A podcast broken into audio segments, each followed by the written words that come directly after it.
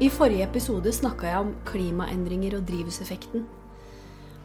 En viktig bit for å kunne minske utslipp eh, er fornybar energi. Og da tenker jeg at det er greit å ha god forståelse for hva energi er, så jeg lager en episode om energi først.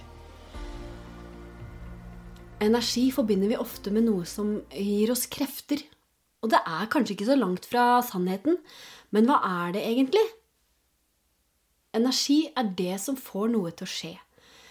Energi i maten du spiser, får musklene til å bevege seg, og energi i vind kan være så sterk at den blåser trær over ende.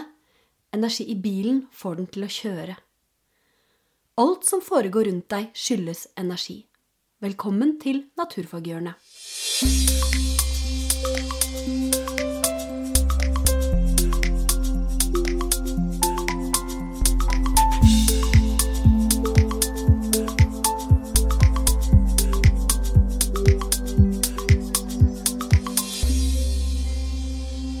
Omtrent 150 år siden sa en fysiker ved navn James Maxwell at 'energy is the go of things'.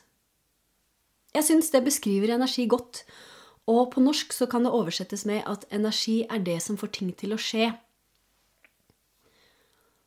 Vi trenger energi for å bevege oss, for å holde varmen, og det er energi som får planter og dyr til å vokse, og uten energi vil alt levende dø.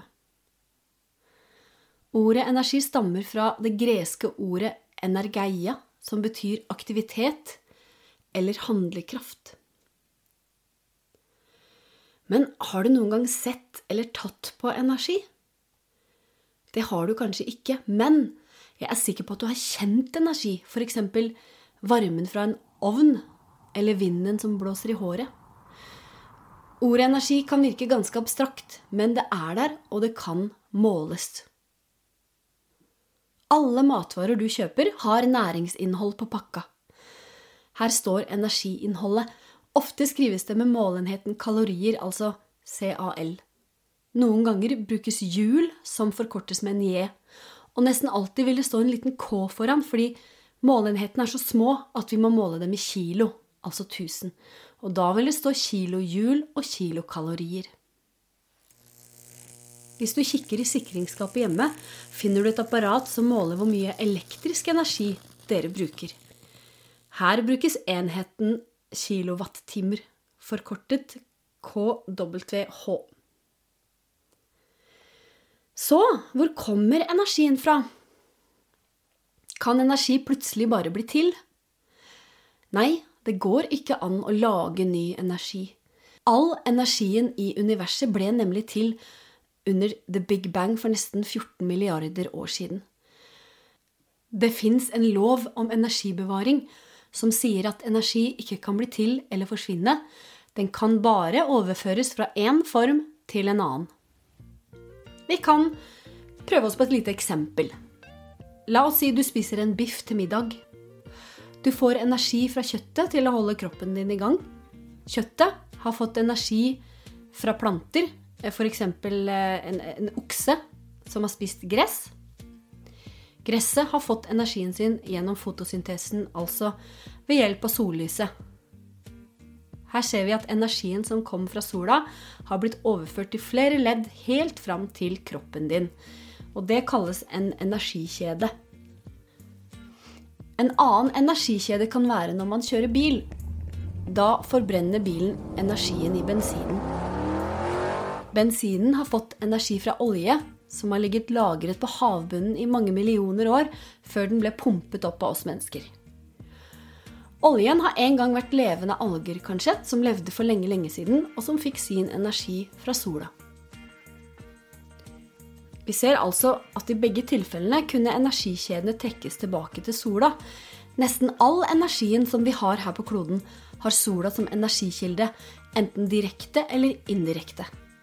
Sola forsyner oss med all energien vi trenger. Så tenkte jeg at jeg skulle ta for meg to begreper, altså to former for energi. Nemlig stillingsenergi og bevegelsesenergi. Hvis du f.eks.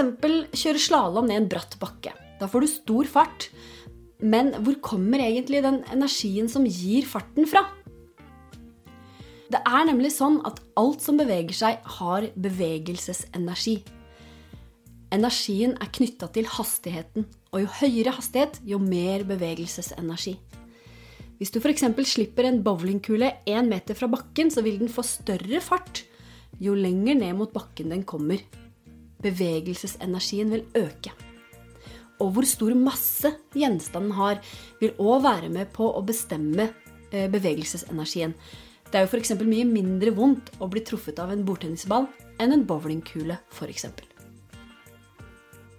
Så det andre begrepet, nemlig stillingsenergi.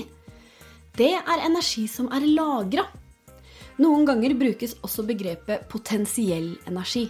Og den vanligste form for stillingsenergi kommer av tyngdekraften. Når du f.eks. står på timeteren i en svømmehall, så har du mye stillingsenergi. Og den vil bare øke jo høyere opp i stupetårnet du kommer.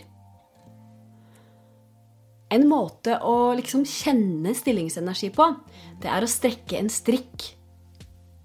Jo lenger du strekker den, jo mer stillingsenergi har den. Og det du liksom kjenner i strikken, er at den kan gjøre om den energien til bevegelsesenergi. Det finnes også stillingsenergi i mat. Ehm, det er næringsstoffene som maten har lagra. Og energien i de stoffene kan omdannes til andre former i kroppen din og blir til bevegelsesenergi eller varmeenergi. Så for å oppsummere energi er det som får ting til å skje. Den kan ikke oppstå av seg selv eller forsvinne, kun overføres fra en form til en annen. Alt som beveger seg, har bevegelsesenergi, og energi som ligger lagret, kalles stillingsenergi eller potensiell energi. Jeg tror dette får holde som en liten innføring i begrepet energi. Så skal vi snakke mer om uh, ulike måter å utnytte energi og, og bruk av fornybar energi etter hvert, som kan hjelpe oss i kampen mot global oppvarming.